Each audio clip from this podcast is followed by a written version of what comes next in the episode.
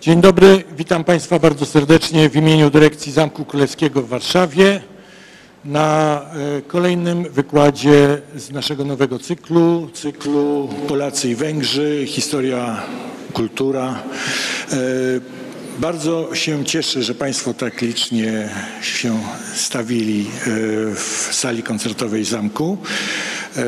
Bardzo serdecznie witam żonę ambasadora Węgier w Warszawie, panią Zuzannę Dziurczyk-Holon, Holop, przepraszam. Witam pana Janosza Tischlera, e, dyrektora e, Instytutu Węgierskiego w Warszawie. Instytut Węgierski jest głównym partnerem Zamku Królewskiego, głównym partnerem przy organizacji całego e, cyklu. E, witam e, również e, panią dr Gizińską, e, szefową Katedry Hungarystyki Uniwersytetu Warszawskiego. Katedra Hungarystyki również jest partnerem tego cyklu. Sponsorem naszych spotkań Sponsorem naszych spotkań e, jest firma Gedeon Richter i bardzo dziękujemy e, za to wsparcie, dzięki czemu właśnie będziemy mogli przez najbliższe kilkanaście miesięcy w miarę regularnie, mam nadzieję, spotykać się na bardzo ciekawych spotkaniach. Dzisiaj najważniejszą e, osobą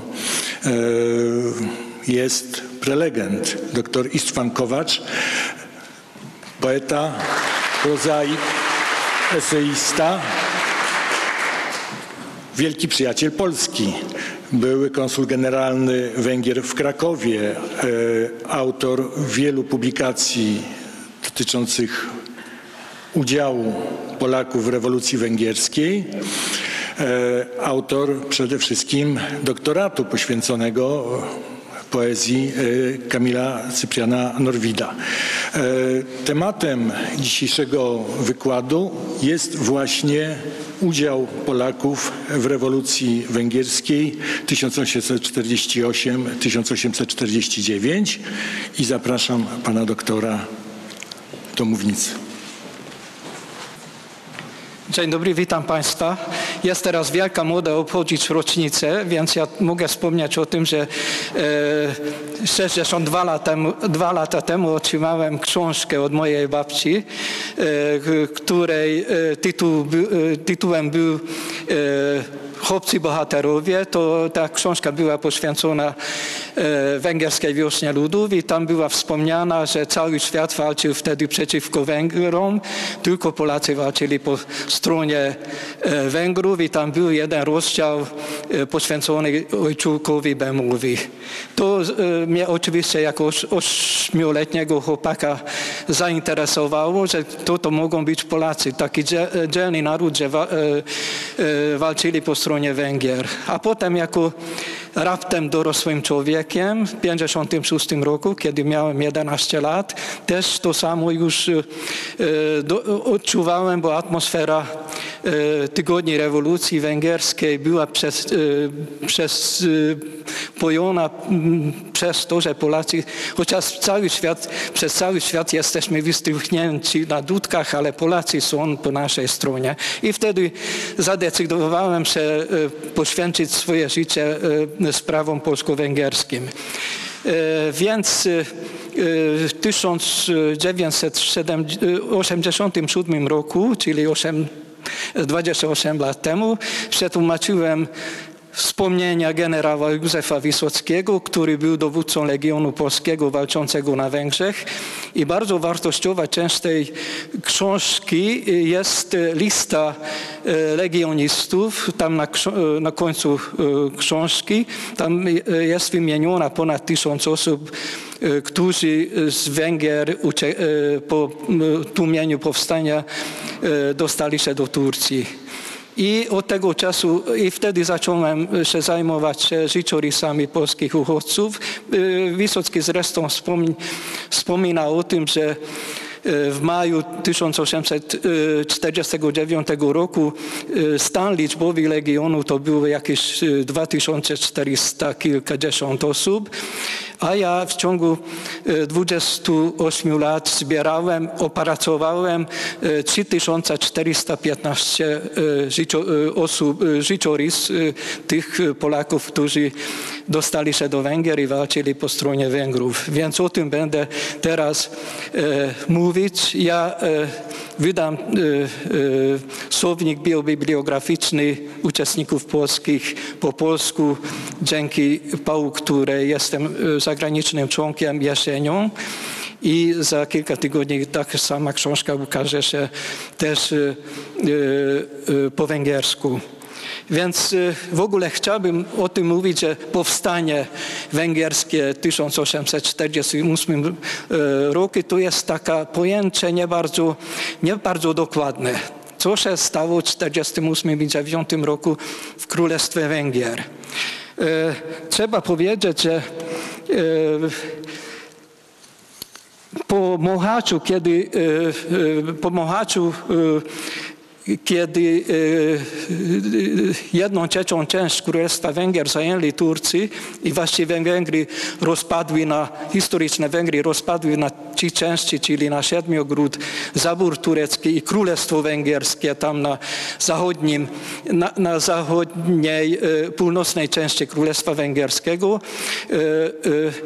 Węgry to pod berłem Habsburgów było bardzo definitywnie ustalone, że Królestwo Węgierskie jest przez swoje ustawy, tradycje, rozporządzenia kierowane i tylko osoba, osoba panującego w cesarstwie Habsburgów włączy Królestwo Węgier do Cesarstwa Austriackiego. To było też podkreślone w 1790 roku. To była dziewiąta ustawa uwiarygodniona, wzmacniana przez Leopolda II i to był dla tego pokolenia które chciało Węgry, Królestwo Węgierskie unowocześnić, czyli pokolenie reform. Wielki okres na Węgrzech zaczyna się w 1825 roku i trwa aż do wybuchu rewolucji. To był, to był takie wytyczne dla tego pokolenia. I jedna charakterystyka tego pokolenia to jest Kossuta Sieczyniego, wielkich takich postaci węgierskiej rewolucji, że szlachta węgierska walczyła o to, żeby pozbyć swoich przywilejów. To, to jest dosyć bezprzykładny fenomen też w historii światowej, ale dzięki, rewolucji, dzięki wydarzeniom okresu wiosny ludów czyli rewolucji w Budapeszcie 15 marca, której scenaropis, scenariuszem był świetny poeta Sándor Petőfi i dzięki działalności dwudziestokilkuletniej parlamentu węgierskiego w Preszburgu, Bratysławie, czyli w Pożoniu, wtedy powstał pierwszy rząd węgierski odpowiedzialny tylko przed parlamentem węgierskim. To znaczy, że na Węgrzech, i to jest tradycja trwająca do dzisiejszych dni, premier był najwyższą, w praktyce najwyższą instancją. Bez kontrasygnacji premiera Węgier król nie mógł wydać rozporządzenia. Więc powstał pierwszy taki rząd odpowiedzialny przed parlamentem ale oczywiście to nie odpowiadało pewnym kręgom tak zwanej kamaryli wiedeńskiej i kiedy stary marszał, feldmarszałek Radecki pokonał króla Karola króla Karola Piemontu i Sardynii w bitwie pod Kustocą. To było 23-25 lipca. Wtedy Habsburgowie wystosowali żądanie do rządu węgierskiego, czyli do Batkianiego, że ma zrezygnować z samodzielnego ministerstwa wojny i finansu. I na to e, oczywiście e, węgierski rząd nie zgodził się, ani węgierski parlament i 3 października został parlament węgierski rozwiązany bezprawnie przez Wiedeń, przez panującego, przez pierwszego Ferdynanda jako cesarza austriackiego i piątego, piątego Ferdynanda jako króla Węgier. Ta sama, chodzi oczywiście o ta, tę samą osobę. Co to znaczy, że 3 października więc 3 października powstał stan, stan wojenny między Królestwem Węgierskim i Cesarstwem Austriackim. Węgry oczywiście bardzo, były bardzo niewygodnej sytuacji, ponieważ nie mieli, nie, nie mieli, rząd węgierski nie miał własnego wojska. Na podstawie konstytucji mogli utworzyć tylko straży, bataliony Straży Narodowych, Gwardii Narodowych, i ta Gwardia Narodowa nie mogła, nie mogła by, była użyta do walki i te, te walki bardzo okrutne trwały już na południowych Węgrzech od 12 czerwca między organizującą się armią węgierską i między powstańcami serbskimi, które, którzy żądali, żeby utworzyć samodzielną wojewodinę, która była obiecana jeszcze kilkaset lat temu też przez Leopolda I, a później przez Leopolda II. Więc w szybkim tempie, kiedy już była jawna wojna, otwarta wojna między Cesarstwem Austriackim i między Królestwem Węgierskim, w szybkim tempie trzeba było organizować armię węgierską, która była już w trakcie organizowania też w Lecie. I ta, że powstała ta otwarta wojna dla Polaków znaczyła, że Węgry, Królestwo Węgierskie stoją w stanie wojennym z, jednych, z, jedn, z jednym zaborców. Więc mogła, mogła było oczekiwać wsparcie ze strony polskiej. Dlaczego? Między innymi dlatego, że okres wiosny ludów rozbudzi, rozbudziła wielkie nadzieje też najpierw w Wielkim Księstwie Poznańskim, kiedy na początku, po, bezpośrednio po rewolucji berlińskiej powstał liberalny rząd tak zwany liberalny rząd pruski Armina i wtedy była, było niebezpieczeństwo, że car Mikołaj I nie zgodzi się na te zmiany, które powstały w Królestwie Pruskim i będzie wojna między Prusami i między Rosją. I wtedy rząd Armina oczywiście, że, że trzeba z tego wielkiego księstwa poznańskiego stworzyć buforowe państewko polskie i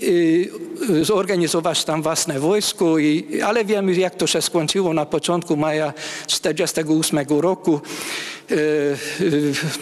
Armia pruska nie po stronie organizującej się polskiej armii walczyła przeciwko Rosji, tylko rozliczyła się organizującymi obozami wojskowymi na terenie Wielkiego Księstwa Poznańskiego. To samo się stało zresztą też w Galicji.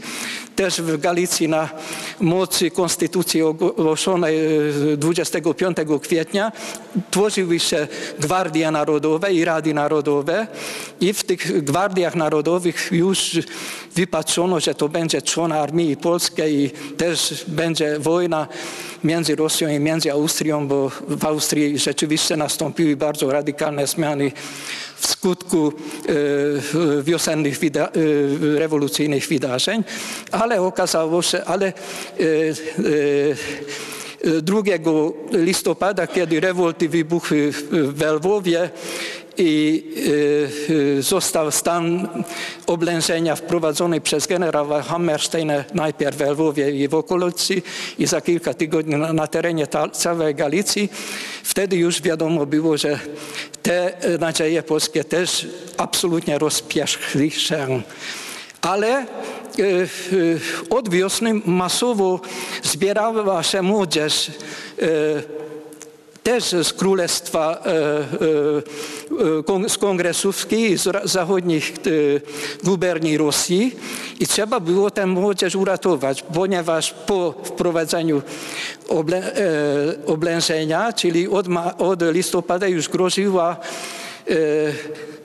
była wielka groźba, że ta młodzież, i to było jakieś 500-600 y, młodych, będzie ekstradytowane, wydane władzom y, rosyjskim i to grozi ich Syberią. Więc trzeba było uratować, trzeba było, żeby ta młodzież przeszła przez Karpaty na stronę Węgrów, ra, razem zresztą bardziej z tymi narodowymi galicyjskimi. I w, w październiku już na północnych e, Węgrzech, czyli w pobliżu e, Przełęczy Duklejskiej, w Preszowie, w Koszicach, Kierzmarku powstały takie pierwsze obozy, gdzie zbiera, zbierała się młodzież, która, która chciała walczyć po stronie Węgier i i już ta, kilkaset, kilkuset ludzi już też dostało się do Budapesztu. Ale już wcześniej jeden polskich emigrantów to był Jerzy Bulharin, major powstania listopadowego, który brał udział w nieszczęśliwej wyprawie Zaliwskiego 1833 roku. On na szczęście nie, nie e, przekroczył granicy galicyjsko-rosyjską, ale przed aresztowaniem uciekł do Węgier i tam można powiedzieć, że zadomowił się, troszeczkę nauczył się po węgiersku. Czasami oczywiście wydostał się do Galicji, tam takie zadanie emisariusza. Jerzy Bulharin znał Kossuta i już 20, 25 września, czyli jeszcze przed rozwiązaniem parlamentu, zgłosił się u Kossuta, bo wtedy już armia chorwacka 11 września przekroczyła granicę południową Węgier i maszerowała do Budapesztu robić porządek parlamentem węgierskim. Czyli wtedy jeszcze Jelacic i jego armia była tylko środkiem e, e, e, rządu Habsburgów. I Jerzy Bulharin powiedział Kossutowi, że jak powstaną legiony polskie na Węgrzech, to może liczyć na kilkaset i nawet na, nawet na tysiąc oficerów, którzy przybędą do Węgier z emigracji zachodniej. I Koszut, dla Kossuta właśnie oficer, wykształcony żołnierz, wykształcony oficer był bardzo ważny, ponieważ armia węgierska organizowała się, ale nie, nie miał swoich zawodowych oficerów w odpowiedniej liczbie. Więc między innymi znalazł się na Węgrzech na początku na początku listopada Józef Wysocki, nie mylić oczywiście z Piotrem Wysockim, chociaż Józef Wysocki, który brał udział w powstaniu listopadowym, był tam oficerem, podporucznikiem rakietników. I, I, on był wysłannikiem Towarzystwa Demokratycznego Polskiego, był ekspertem wojskowym tego towarzystwa i organiz zaczął organizować ten w Budapeszcie zbierających się młodych Polaków w Legion. Ale w tym samym czasie też znalazł się na Węgrzech generał Bem po tłumieniu e, rewolucji węgierskiej i Koszut nie, wie, nie, nie, wiedział, co z tym starym generałem, tak wy, wyglądał jakiś wędrowny aptekarz, co z nim robić, więc Koszut nie znając e, jakie są, e, jaka jest opinia młodych Polaków o Bemie, to chciał mianować dowódcą Legionu Polskiego dowódcą i wtedy ta młodzież, która uważała, że Bem jest, Bem jest obozu e, czartoryskiego, czyli hotelu Lambert, e, to e, młodzież strasznie się oburzyła i jeden z młodych, który nazywa się Ksawery Kołodziejski, dokonał zamach na życie Bema. Na szczęście e, nie nie udało się ten zamach. Kołodziejski został aresztowany, ale nie mógł stawić go przed sądem doraźnym, ponieważ nie, nie miał tylko 19 lat. E, I e, wtedy już prasa odegrała ogromną rolę, ponieważ rozpętała się ogromna dyskusja na łamach budapesztańskiej prasy, w której młodzi, e, e, to znaczy młodzi demokraci osądzili Bema, że jest agentem arystokracji i tak dalej, a Bem powiedział, że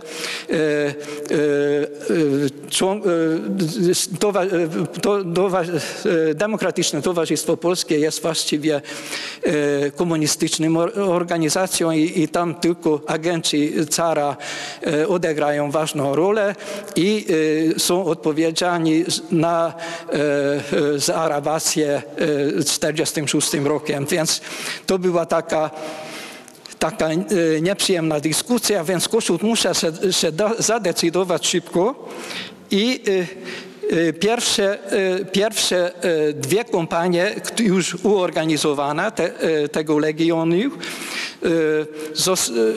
ich sztandar został uroczyście poświęcony w, w ogrodzie Muzeum Narodowego. Tam stoi i dzisiaj po, teraz po pierwsze generała Wysockiego i wysłany do, do, do Aradu.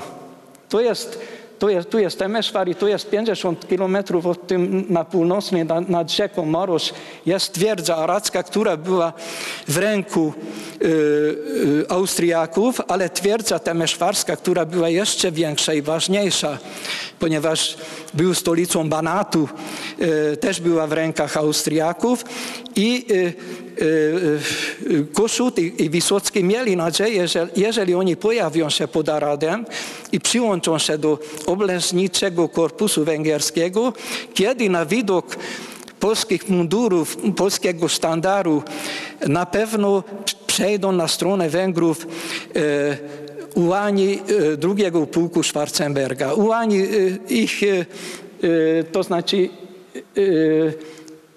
Ci Ulani byli, umiast, byli, tworzyli część e, korpusu temeszwarskiego i walczyli jeszcze w- lecie 1948 roku przeciwko serbskim powstańcom e, razem z Węgrami. E, Ale, to, ale ta, to się nie udało. Ulani zostali pod, sztandara, pod sztandarami austriackimi i przez to, ale była jeszcze e, wielka e, groźba, ponieważ e,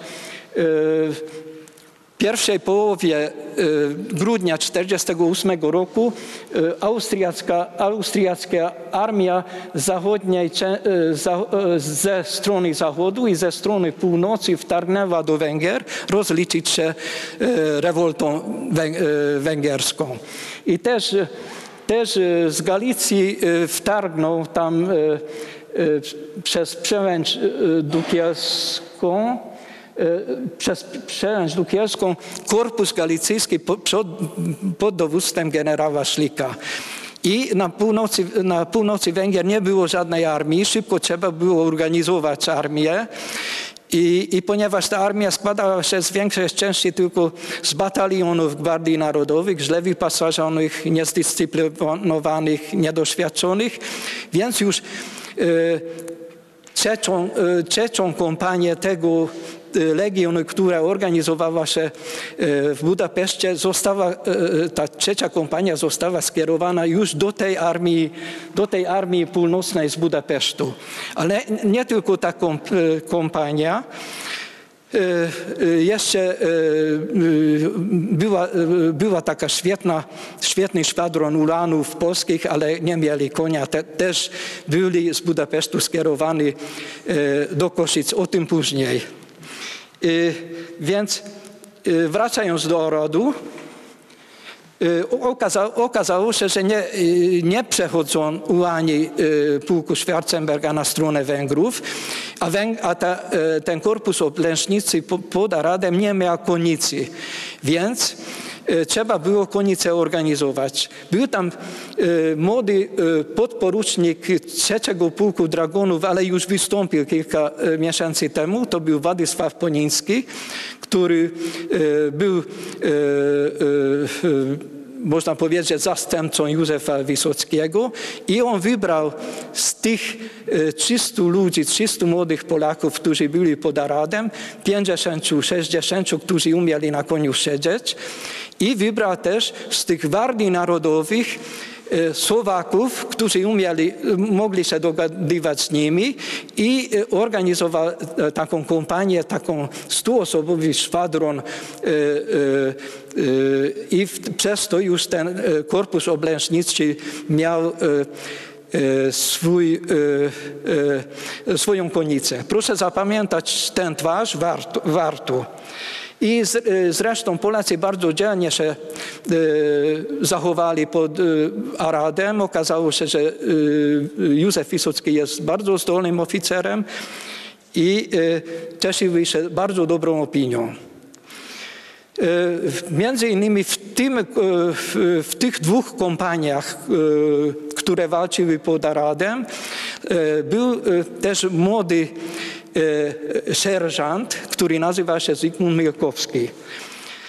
E, Bardzo, tak mi się wydaje, bardzo niesłusznie nieoceniona postać teraz nie jest w świadomości polskiej, chociaż on był nie tylko później, nie tylko świetnym pisarzem, jego powieść Ci i tamci, w którym opisywał swoje e, przeżycia na Węgrzech, bardzo e, wysoko artystyczny sposób, ale on założył e, w 1880 latach Ligę Polską, a z Ligi Polskiej później wyrosła e, e, dem, e, Partia Demokratyczna, czyli e, partia Dmowskiego, ale wtedy już, e, ponieważ Dmowski komarzy, ukomarzył się po pewnym czasie z caratem, to Milkowski wystąpił z tego. Ale ten Milkowski, który jest autorem prawie stu powieści, walczył w tym ba, batalionie wysockim pod Aradem. Wracając, wracając więc, więc e, wspomniałem o, o, tym, o tej polskiej kompanii, o, o szwadronie ułanów e, Tożnickiego, Władysław Tożnicki. On był dowódcą tego szwadronu ułanów. E, Zresztą e, walczył w okresie Napoleona, był świetnym oficerem, wtedy już też zdobył e, rangę oficera.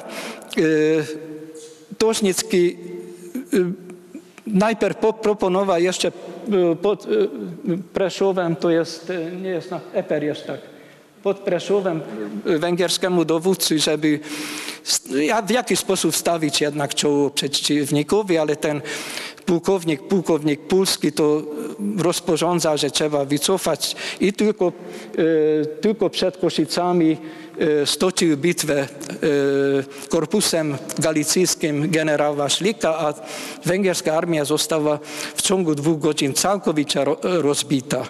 To, że e, no, większość armii węgierskiej uciekała w kierunku Miszkulc, i zostawiła tam na e, podwórzu karczmy, tam pod Koszicami, w, podwórzu, e, miejscowość nazywa się Barcy, e, swoją artylerię.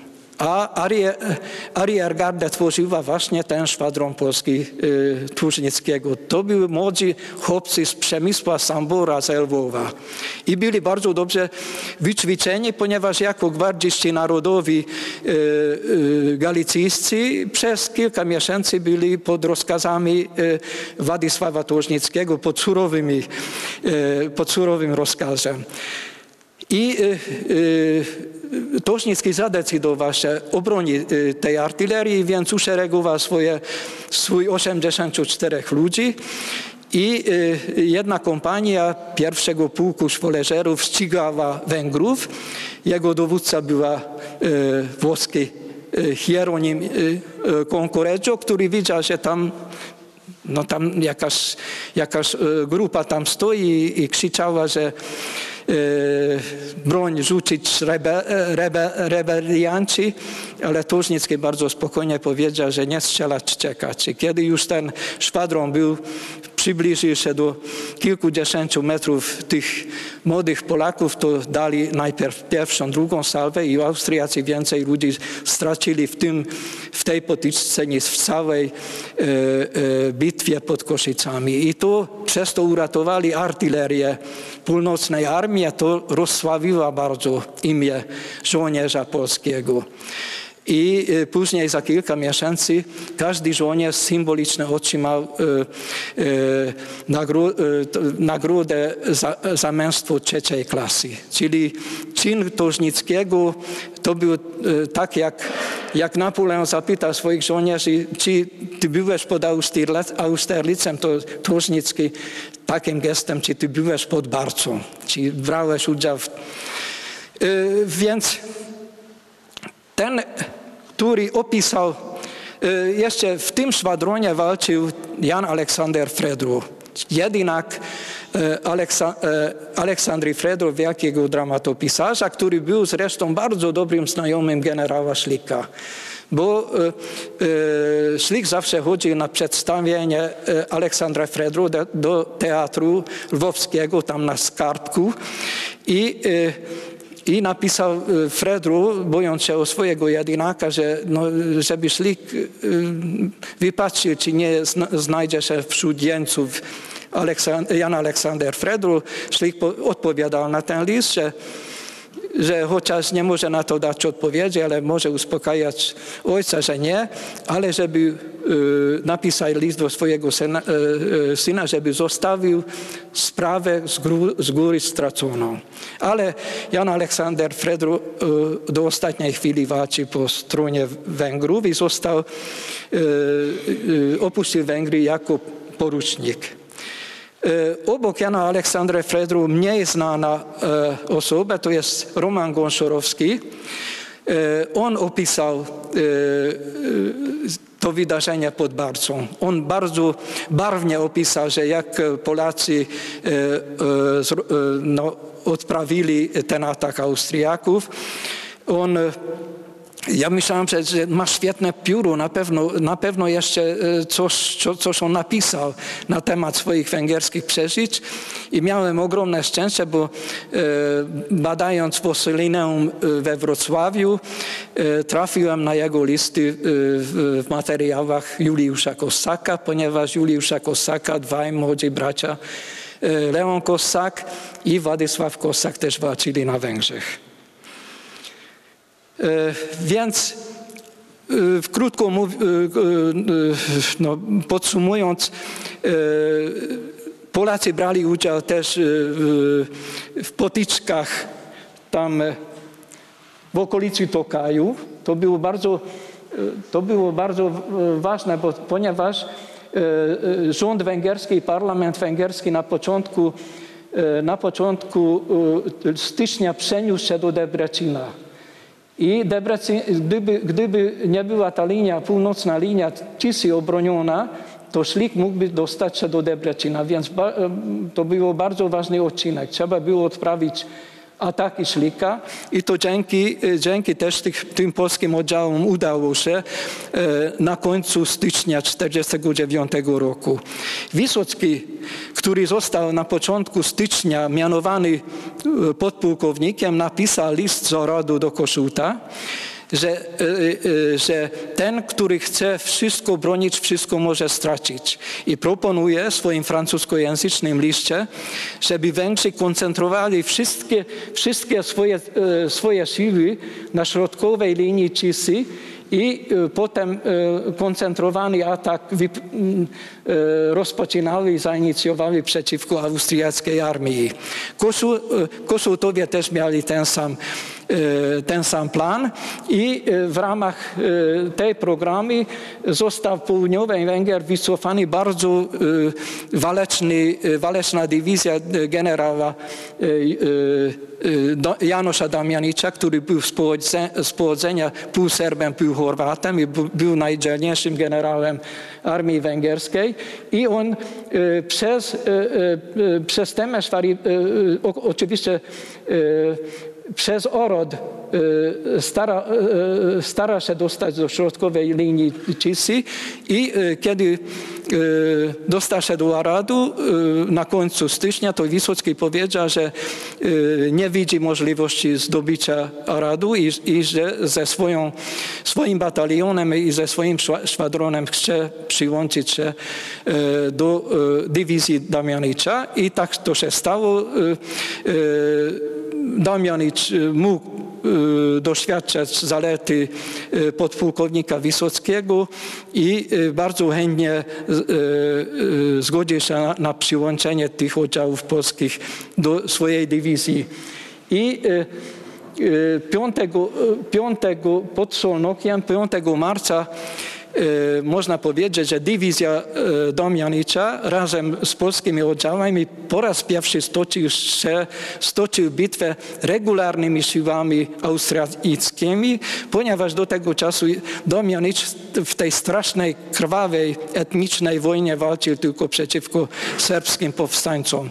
I to Węgrzy odnieśli niesamowite zwycięstwo nad austriackimi i tutaj właśnie ten szwadron organizowany przez przez Władysława Ponińskiego odegrał decydującą rolę.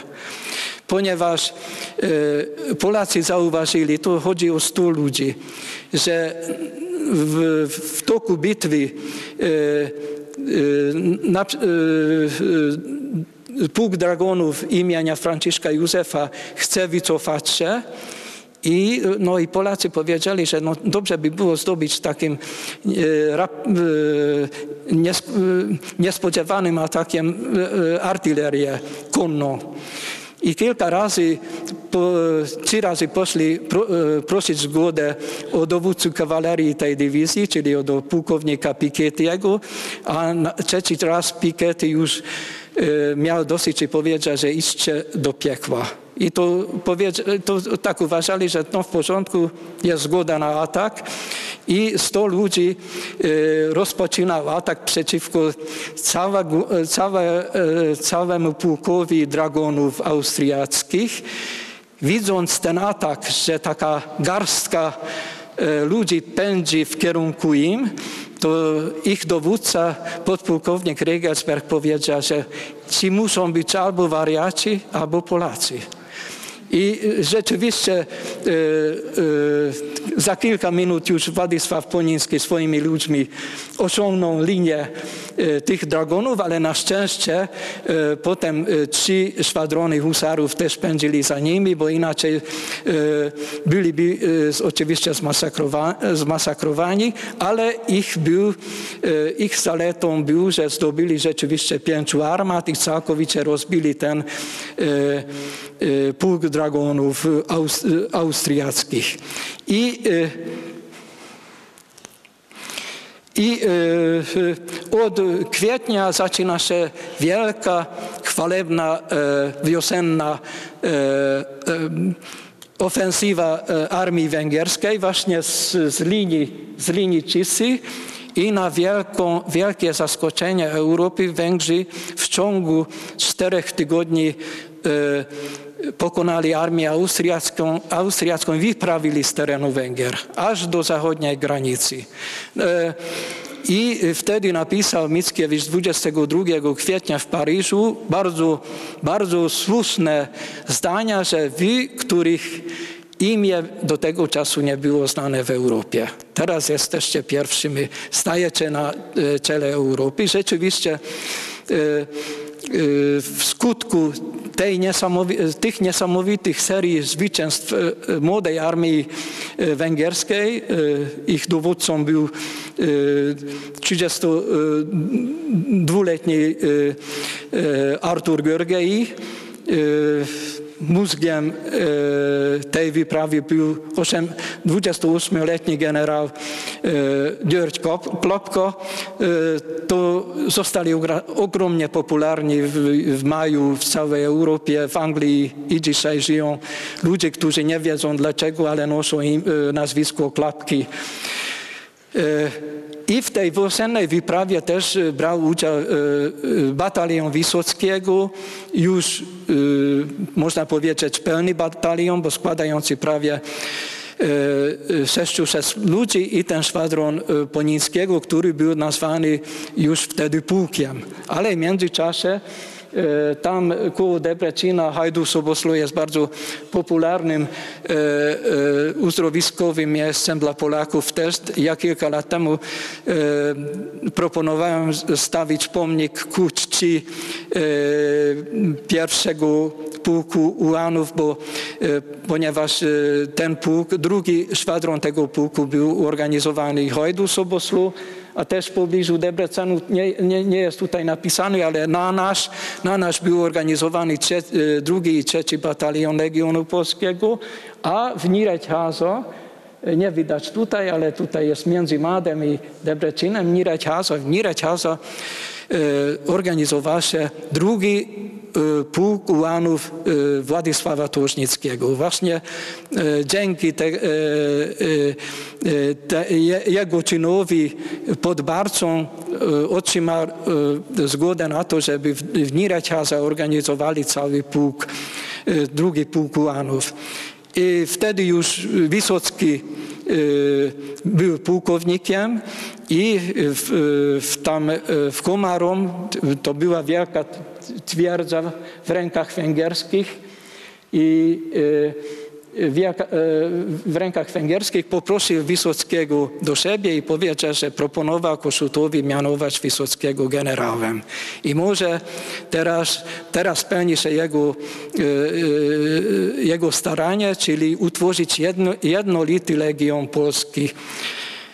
Rzeczywiście 6 maja Józef Wysocki został generałem armii Honvedów i wyznaczył sobie Miszkoc jako punktem organizacyjnym Legionu Polskiego. Ten legion miał składać się z trzech batalionów, dwóch pułków, małych pułków ułanów, dwóch baterii, jednej kompanii saperów, czyli mniej więcej tak o tym marzył Wysocki, że to będzie dywizja polska licząca 5 tysięcy ludzi. Ale wtedy już, kiedy Wysocki został mianowany generałem, jeszcze o tym w Debrecinie nie, nie wiedziano, ale sprawa węgierska była przesądzona. Ponieważ właśnie dzięki tej serii zwycięstw armii węgierskiej Austriacy wrócili do, o pomoc do Mikołaja I, ale Mikołaj I już przed wystąpieniem Austriaków zadecydował się rozprawić się sprawą z Węgrami. I umobilizował taką ogromną armię, która jeszcze na arenie europejskiej nie wystąpiła, czyli 200 tysięcy ludzi, jeszcze w rezerwie 60 tysięcy ludzi, czyli 260 tysięcy ludzi przeciwko armii węgierskiej, która składała się 160 tysięcy ludzi, a ponieważ we Włoszech, włoskich prowincjach już był porządek, nowa zwycięska bitwa Austriaków to było Nawara na końcu marca 1949 roku.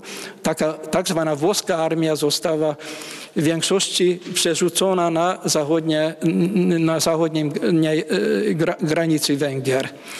Ale oczywiście Węgry jeszcze wtedy uważali, że sprawa rewolucji jest zwyciężona 21 maja zdobyli zamek Budzyński, czyli można powiedzieć, że całe Węgry były wyswobodzone. Teraz nie mówię oczywiście o kampanii siedmiogrodzkiej BEMA.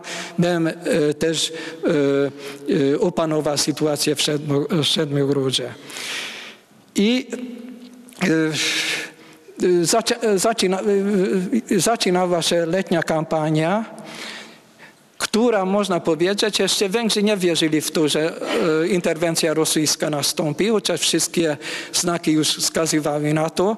No, ta interwencja nastąpiła między 18 i 21 czerwca.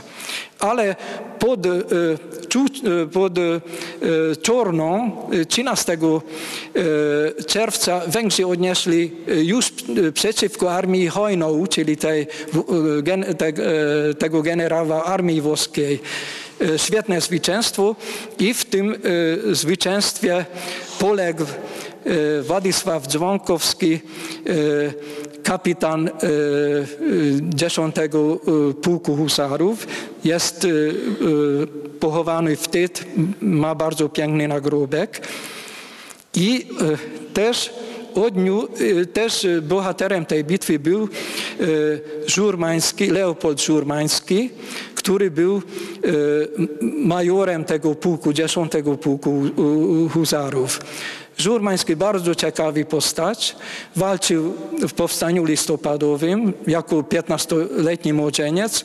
Potem uciekł, uciekł z do Galicji potem do Węgier i wstąpił pod innym nazwiskiem, czyli Żurma i Liput, do 10 Pułku e, Husarów i od szeregowca, e, można powiedzieć, z- własnych zalet został porucznikiem, ale wiosną 1948 roku wystąpił wojska. Ale, jak wspom- y, ale kiedy y, y, wiemy, że w Aust- w- Cesarstwie Austriackim tak, y, y, tak było, że te pułki, które były organizowane na terenie Węgier, to były y, umieszczone w Czechach, w Galicji, we Włoszech, a te y, pułki, które były y, organizowane w Galicji, to częściowo we Włoszech, na terenie Węgier y, w, w, w, i w Austrii. Więc poprosili y, żołnierze y, y, jednego szwadronu, który stacjonował z barażu surmackiego, który mieszka w pobliżu, żeby zaprowadził ich do Węgier. I byli tacy y, kilku takich oficerów polskich różnych pułków husarów, którzy e, stali na czele tych e, różnych oddziałów husarskich, węgierskich husarów i zaprowadzili do e, terenu Węgier. Jeden był żurmański, surmacki, żurmoi. Trzeba jeszcze dodać, nie chcę nudzić Państwa z, tym, ale na terenie Galicji Austriacy organizowali 13 pułków piechoty, cztery pułku, pułki ułanów, cztery pułki dragonów, czyli i część, e, e, część e, tych batalionów, tych szwadronów walczyła na terenie Węgier. I właśnie dlatego e, e, liczba legionistów rozrosła się w taki sposób, ponieważ część e, to jeńcy wojenni, którzy trafili do węgierskiej niewoli z tych pułków galicyjskich, zostali wcieleni ochotniczo albo nieochotniczo do- Legionu Polskiego. Ja e, e, przejrzałem i, i e, zbierał, e, pie, e, przejrzałem kilkadziesiąt tysięcy e, kart ewidencyjnych tych pułków. E, Wspomniałem o tym, że ta e, interwencja e, rosyjska nastąpiła między 18 i dwu- 21 e, czerwca i e, to jest, zawsze podkreślam, że Polacy jeszcze w maju, kiedy już armia rosyjska zalała Galicję, Galicję całą i roz, zniosła też y, straszną chorobę cholerę, kilkanaście wiosek galicyjskich y, wtedy była wyniszczone przez tę straszną chorobę. Y, I w maju jeszcze y, 80 młodych Polaków przedostało się do Węgier y, z Uniwersytetu Jagiellońskiego. Prowadził ich Ludwik y, Kuczyński i y, y, y, ich członkowie byli między innymi Zygmunt Matejko, który był starszym bratem Jana Matejki, a drugi to był Edmund, Edmund Matejko, też e, starszy brat Zygmunta, ale oczywiście moc, e, e, starszy brat Jana Matejki. Oni, można powiedzieć, razem z armią ro- rosyjską dostali się do Węgier i ten Zygmunt Matejko poległ w pierwszej bitwie stoczonej przeciwko Kozakom i leży gdzieś mm, w, przez długie czasy w cmentarzu turczeńskim świętym Marcinem. Jego grób był e, pielęgnowany. E, Więc jeszcze kilka słów. Główna, główna armia rosyjska pod dowództwem warszawskiego księcia Paszkiewicza przekroczyła Dukielską przełęcz. To było 100, 112, 112 ludzi, tysięcy ludzi. Grabe gdzieś tam e, zalał e, spis i Rüdiger też spis. Paniucin przyłączył się do e, włoskiej armii austriackiej tam koło Bratysławy, czyli Pożoniu. I była dwie koncepcje. Jedna koncepcja Gürgeja, że tam przeciwko, jeszcze, tam przeciwko armii, głównej armii Paskiewicza mógł, mógł stawić czoło e, korpus północny armii e, węgierskiej albo armia północna Węgier, która liczyła 9 tysięcy ludzi i do tego przyłączyła się legion, cały legion organizowany w Miszkolcu, to było 2500 ludzi. I Görgej mianował dowódcą tej armii północnej węgierskiej Józefa Wisockiego. A Wisocki rozpowszechnił tam pod e, Preszłowem, że ma 50 tysięcy ludzi pod swoimi rozkazami.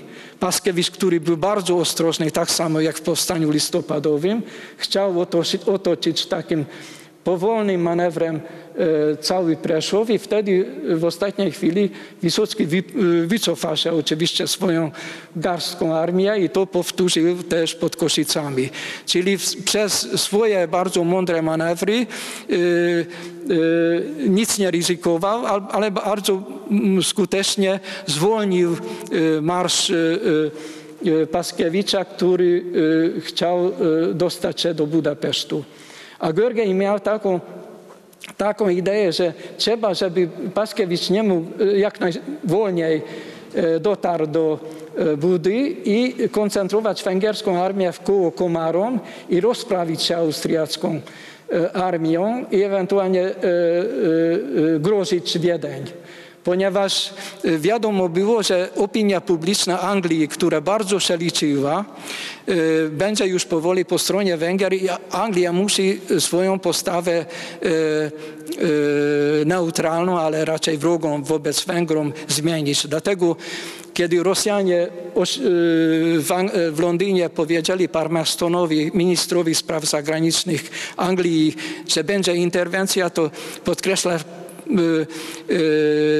Palmerston, że jak najszybciej skończyć się Węgrami. Ale nie dlatego, że, y, dlatego, że, że musi się liczyć opinią angielską. Węgrzy też myśleli, że mogą zyskać tylko na czasie. Ale Dębiński proponował, żeby koncentrować armię węgierską koło Segedinu. I y, bo Dębicki powiedział, że jeżeli nie można pokonać y, i na pewno nie można pokonać dwóch armii, można wycofać się na teren y, Imperium Osmańskiego i tam w jakiś sposób ta, grozić się tą uratowaną armię Austrii. Koncepcja Dębickiego zwyciężyła się. I więc Görgej też, przepraszam, Görgej też musiał opuścić Komarom. Najpierw pod Wacławem stoczył bitwę już z Packiewiczem, ale ponieważ wiedział, że nie może, może swoim, swoją armią 25-tysięczną prze, przełamać ten front rosyjski, swoją armią przez Miszkolc Tokaj, Nyíregyháza i Nagyvárad dostał się do Orad dokładnie, można powiedzieć, 9, 9 sierpnia. A Dębiński zamiast Orad, do którego otrzymał rozkaz, że ma swoją południową armię dostać się, to on zaczyna cofać się w kierunku Imperium Temeszwaru, a potem Imperium Osmańskiego i no, y, bardzo nieszczęśliwie rozegrana bitwa temeszwarska została przegrana. ale jeszcze wracając y, do północnej y, frontu w, w drugim pułku ułanów walczył Sewerin Korzeliński, rotmistrz który na końcu kwietnia dostał się do Węgier kilkunastoma swoimi kolegami. Świetna postać. E, napisał pierwszą, pierwszy, e, można powiedzieć, e, opis opis podróży do Australii i opis Australii, ponieważ on w 1953 roku wyjechał ze swoimi kolegami kilkunastoma na kuszenie, że tam jest możliwość znalezienia złota. Później od 1967 roku był nauczycielem w słynnej szkole rolnej w Czernichowie i nie tylko on, ale jeszcze inny kolega. Tutaj jest zresztą Władysław Kossak, starszy brat Juliusza Kossaka, słynnego malarza. Kilku malarzy walczyło na Węgrzech, też Suchodolski Piotr Titus między innymi. I jest bardzo ciekawy postać, Szybaski Felicjan, który walczył też w drugim pułku ułanów. Ożenił się siostrą swojego kolegi z tego pułku, czyli Izabelą Brenner-Fleming. I ponieważ był bezdzietny i był świetny gospodarz, to on założył galerię malarską w Sukienicach w Krakowie i on był ten, który w 1888 roku 15 marca, czyli z okazji 40-letniej rocznicy rewolucji węgierskiej wydał ogłoszenie na łamach czasu, że prosi o swoich kolegów, żeby wysłali jemu zdjęcie. I on był, który zbierał w dwóch pięknych albumach. Jeden jest w Krakowskim Muzeum Narodowym, drugi w Budapeszcie Bibliotece Narodowej. Zbierał ponad 140 takich zdjęć. Część tych zdjęć jest właśnie z tego albumu. Tutaj jest Felicjan Szybaski i tutaj jest w mundurze. Dzięki niemu że on robił takie malowidło jako oficer ułanów. Wiemy, jak ten mundur w ogóle wy, wyglądał. Bardzo był kosztowny, koszul był bardzo zły, że te mundury ułańskie to y, tyle jak trzy mundury husarskie. Tutaj jest kaplica nagrobowa w Morawicy w ogrodzie. I jeszcze ostatnia, więc ja teraz, jak wspomniałem, po węgiersku ukaże się już ta książka, też będzie ponad 100 takich zdjęć. Bardzo żałuję, że tutaj Leona Czechowskiego nie ma, bo, ale nie wiedziałam, że pan Mahala będzie tutaj z Jarosławia, bo od niego zdobyłem te piękne zdjęcie. Leon Czechowski też walczył na Węgrzech i był dowódcą piechoty w Legionie Siedmiogrodzkim. O tym już nie chcę mówić, nie chcę nadużywać cierpliwości państwa, ale ten Leon Ciechowski wystąpi w dramacie Wyspęskiego, czyli w nocy, listopad, nocy listopadowej. Zakończę już swój wykład. Jak wspomniałem, dla mnie bodziec, żeby, żeby zajmować się z, życiorysami tych nie tylko generałów, ale prostych żołnierzy i oficerów, to był y, wspomnienie Wysockiego. Spośród tych, którzy dostali się do Turcji, czyli do Imperium Osmańskiego, byli dwaj bardzo ciekawe, były bardzo, bardzo ciekawe postacie. To jeden był Gustav Burhard, a drugi drugi był Julian Burhard. Ich, e, e,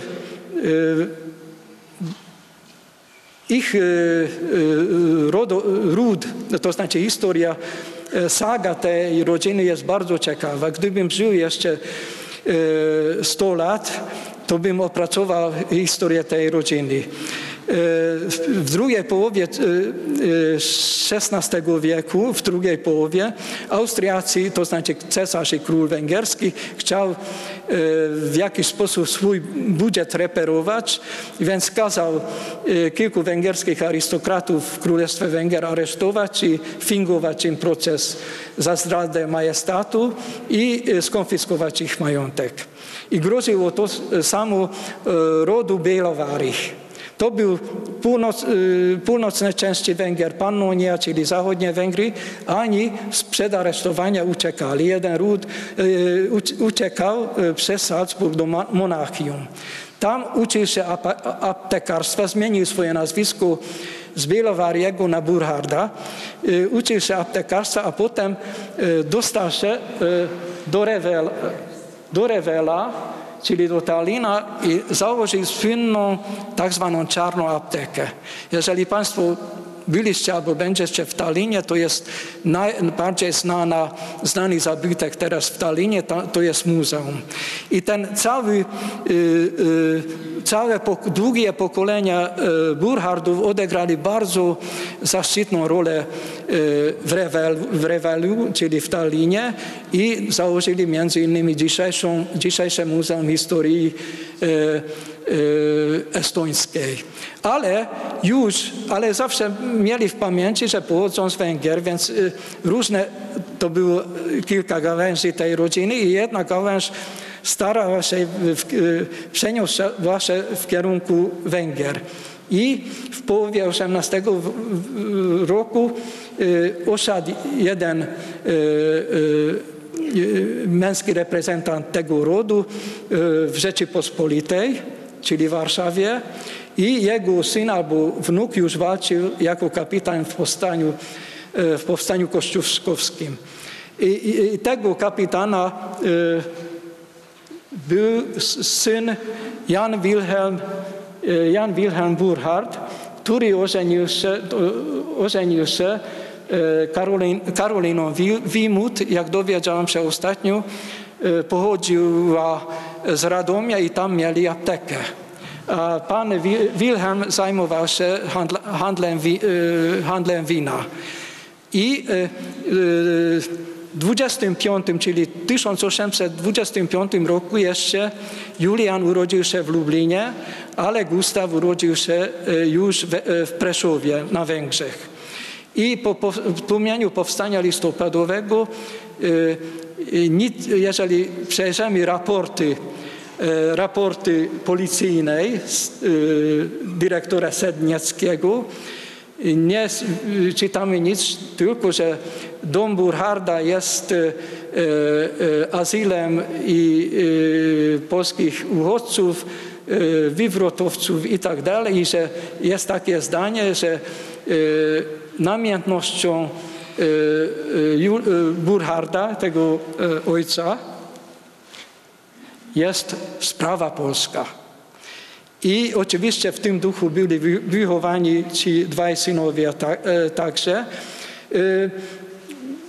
Na Węgrzech można powiedzieć, że polscy uchodźcy byli w dosyć bezpieczeństwie po powstaniu listopadowym, ponieważ austriackie e, e, władze nie miały prawa wystąpić, wystąpić e, przeciwko polskim uchodźcom.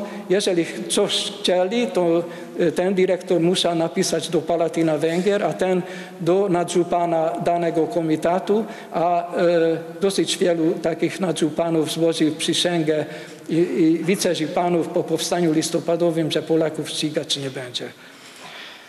I, więc ten Julian i Burhard e, dostali się do, do Turcji i z Turcji z fałszywym paszportem Julian dostał się do dalekiego krewnego do e, Reimsa. Ten daleki krewny nazywa się Józef Kasparek, zajmował się handlem wina i e, e, brał udział oczywiście w powstaniu listopadowym.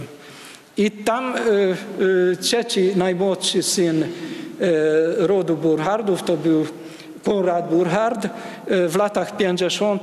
ukończył Akademię Handlową w Berlinie i założył e, w Gdańsku e, taki skład wina i ciągnął też e, e, Juliana Burharda i Gustawa Burharda, żeby brali udział w wspólnej interesie i oczywiście e, wtedy już to była okres amnestii, e, e, więc e, koło Tokaju rodzice przenieśli, przenieśli się z Preszowa do Tokaju, tam wykupili winnicę i dosyć dobrze powodziło te, temu rodowi. Gustaw wrócił do Węgier, ale Julian został we Francji. Założył rodzinę i tutaj widzimy zdjęcie chyba z początku XX wieku. Proszę zapamiętać tego chłopaka. tak wygląda mając 14 lat. Urodził się w 1888 roku.